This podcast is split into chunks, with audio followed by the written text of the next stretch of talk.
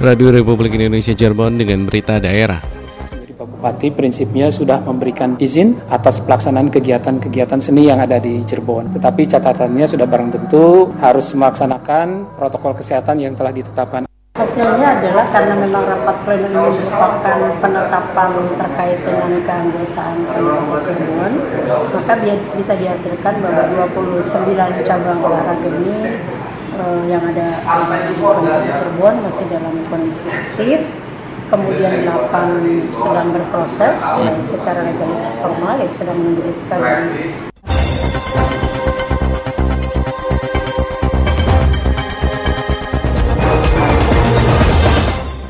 Sari Berita, seniman Kabupaten Cirebon telah diizinkan untuk beraktivitas kembali dengan tetap mematuhi protokol kesehatan. KONI Kota Cirebon membekukan tiga cabang olahraga dan satu badan keolahragaan fungsional. Bersama saya Heru Anwar, inilah berita daerah selengkapnya.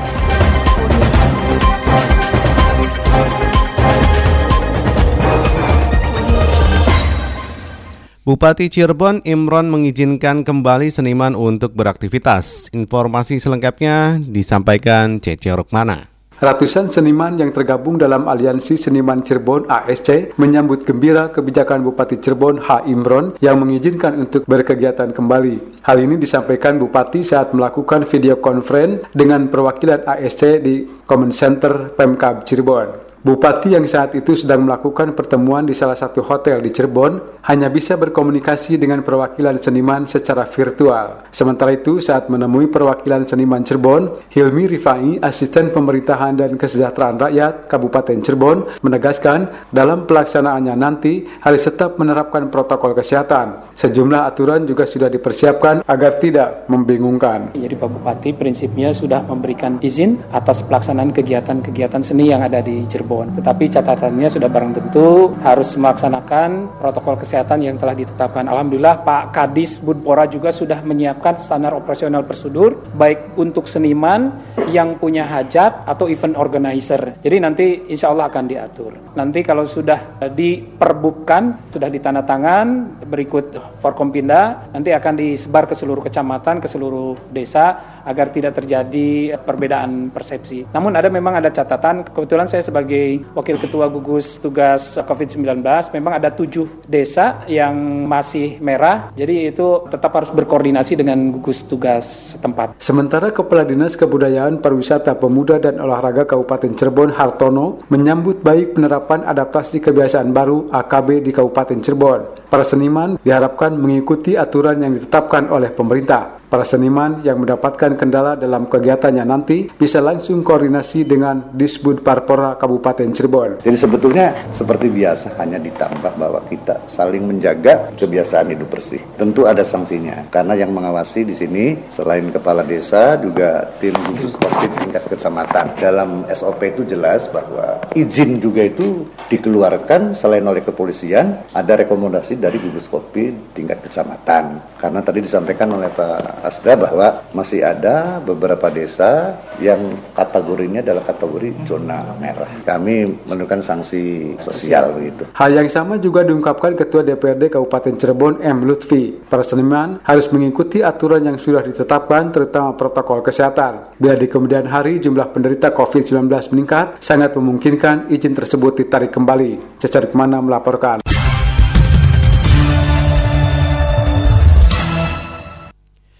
Lembaga Penyiaran Publik LPPR ini kemarin menandatangani kerjasama dengan Radio Antar Penduduk Indonesia atau RAFI yang dipimpin langsung Direktur Utama LPPR RI M. Rohanudin secara virtual diikuti oleh seluruh Statker RRI se-Indonesia. Dalam kesempatan tersebut, Direktur Utama M. Rohanudin mengatakan RAPI merupakan sebuah organisasi yang sangat dekat dengan masyarakat dan tersebar di seluruh pelosok Indonesia. Keberadaan dan peran Rapi menjadi penting karena dapat mengetahui setiap kejadian atau peristiwa lebih awal dari masyarakat. Untuk itu, melalui kerjasama tersebut, RRI akan lebih mudah mengakses informasi yang disampaikan oleh jajaran Rapi, sehingga akan lebih cepat dalam penyebaran informasi kepada publik atau pendengar. Sementara penandatanganan kerjasama tingkat LPPRR Cirebon dilakukan antara Kepala RRI Cirebon Neni Afriantini dan Rafisi Se Ciayu, Ciayu Majakuning yang diwakili Ketua Rapi Kota Cirebon Wilayah 17 Dr. Tresnawati SPD.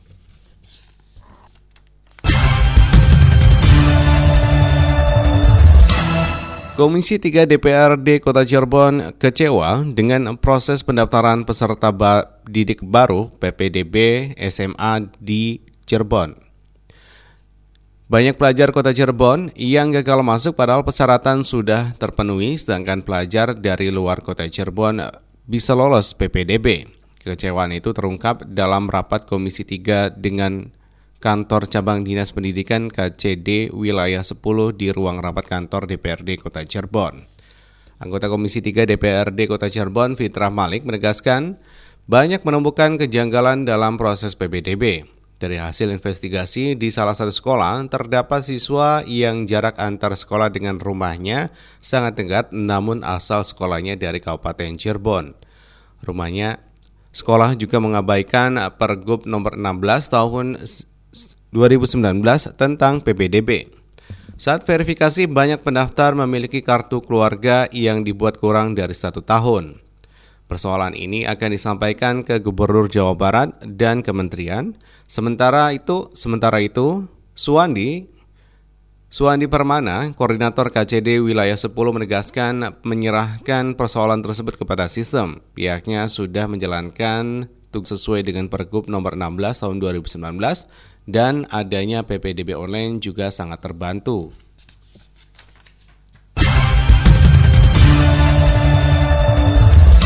Kelompok budidaya udang Paname Segar Biru, Segara Biru, Desa Citebu, Kecamatan Mundu, Kabupaten Cirebon yang merupakan mitra binaan Cirebon Power berhasil panen secara besar-besaran. Kepada RRI, Ketua Kelompok Budidaya Udang Faname Segara Biru Toangga mengatakan dengan memanfaatkan tambak ukuran 50 kali 12 meter yang berlokasi tidak jauh dari pembangkit Cirebon Power membudidayakan lebih dari 70 ribu benih benur udang Faname. Setelah tiga bulan, tambak tersebut bisa dipanen dan menghasilkan satu ton yang sudah dipesan oleh pedagang dari Kabupaten Indramayu.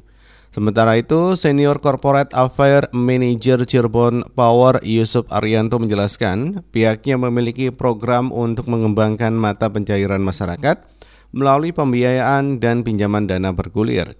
Budidaya udang tersebut diharapkan berkembang dan bisa menambah jumlah tambaknya. Kelompok ini juga diharapkan bisa berbagai, berbagi pengalaman kepada masyarakat lainnya. Pihaknya berkomitmen untuk terus memberikan dukungan kepada masyarakat di sekitar pembangkit guna meningkatkan perekonomian dan kesejahteraan. Pemerintah Kabupaten Cirebon melalui sejumlah SKPD telah mengalokasikan APBD tahun anggaran 2020 untuk penanganan pandemi COVID-19 sebesar 143 miliar rupiah lebih. Informasi selengkapnya dilaporkan Yulianti. Pemerintah Kabupaten Cirebon melalui sejumlah SKPD telah mengalokasikan APBD tahun anggaran 2020 untuk penanganan pandemi COVID-19. Wakil Ketua Divisi Pelayanan Informasi dan Komunikasi Publik Gugus Tugas Percepatan Penanganan COVID-19 Kabupaten Cirebon, Nanan Abdul Manan kepada RRI menjelaskan, besaran APBD tahun anggaran 2020 yang digunakan untuk penanganan pandemi COVID-19 sebanyak 143 miliar rupiah lebih, sedangkan realisasi sampai dengan akhir bulan Juni 2020 sebanyak 49 miliar 932 juta rupiah lebih atau 34,90 persen sehingga sisa anggaran yang tersedia 93 miliar 144 juta rupiah lebih. Untuk penanganan kesehatan dari total anggaran 87 miliar 300 sekian baru terrealisasi 18 miliar sekian atau 20,6 sekian persen. Kemudian yang kedua, bidang penanganan dampak ekonomi. Ini SKPD-nya adalah Dinas Tenaga Kerja dan Transmigrasi, Dinas Koperasi dan UKM, Dinas Ketahanan Pangan, Dinas Pertanian, Dinas Perindustrian dan Perdagangan. Dari total anggaran 5 miliar 400 sekian baru terrealisasi sampai dengan akhir Juni ini 2 miliar 300 sekian atau kurang lebih sekitar 42,8 persen.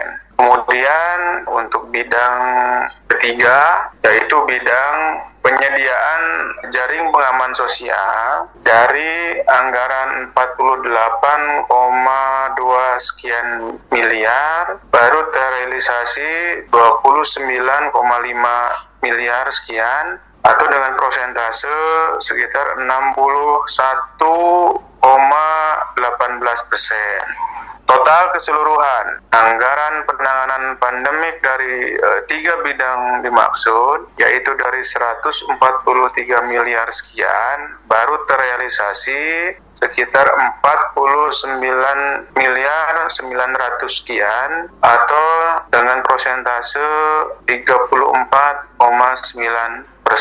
Nanan Abdul Manan mengatakan alokasi sisa anggaran akan dipergunakan untuk penanganan COVID-19, sedangkan untuk strategi yang dilakukan Pemkap Cirebon akan diserahkan SKPD yang bertanggung jawab sesuai tugas masing-masing yang akan menggunakan anggaran tersebut. Ditegaskannya penggunaan anggaran itu selama tahun 2020 dan juga sampai dicabutnya status siaga bencana nasional non-alam oleh pemerintah pusat. Untuk itu, seiring diberlakukannya adaptasi kebiasaan baru AKB, pihaknya tidak henti-hentinya menghimbau agar masyarakat tetap waspada, menjaga kesehatan dengan menerapkan protokol kesehatan, mulai dari penggunaan masker di setiap kegiatan, menjaga jarak, serta cuci tangan dengan air mengalir. Untuk mencegah penyebaran COVID-19, PT KAI menerapkan berbagai protokol kesehatan yang ketat dan harus dipatuhi oleh seluruh pelanggan. Manajer Humas PT KAI Daob 3 Cirebon Lukman Arif mengatakan kapasitas kereta masih dibatasi untuk menciptakan physical distancing selama dalam perjalanan.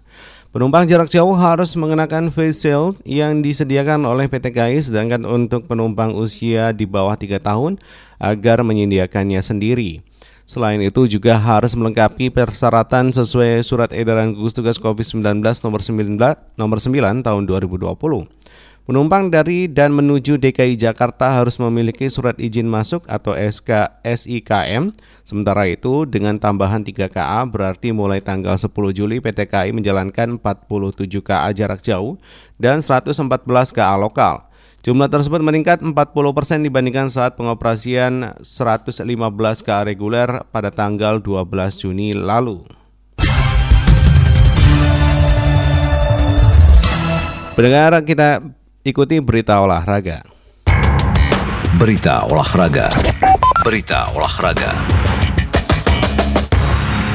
KONI Kota Cirebon membukukan tiga cabang olahraga dan satu badan keolahragaan fungsional. Laporan selengkapnya disampaikan Aji Satria. Setelah melakukan verifikasi terhadap puluhan cabang olahraga yang bernaung di bawah komandonya, akhirnya KONI Kota Cirebon membekukan tiga cabang olahraga dan satu badan keolahragaan fungsional. Pembukaan tersebut merupakan hasil kesepakatan rapat pleno pengurus KONI Kota Cirebon. Kepada RRI, pimpinan rapat pleno Sri Mariati mengatakan seluruhnya ada 29 cabang olahraga yang aktif dan kepengurusannya berjalan lancar. 8 cabang olahraga masih dalam proses dan empat tidak aktif antara lain sepak takraw atau PSTI, Kempo atau Perkemi, Barongsai atau Fobi dan satu badan keolahragaan fungsional yakni Bapopsi. Keempatnya pun dibekukan dan harus berproses dari awal lagi. Hasilnya adalah karena memang rapat pleno ini merupakan penetapan terkait dengan keanggotaan Cirebon, maka bisa dihasilkan bahwa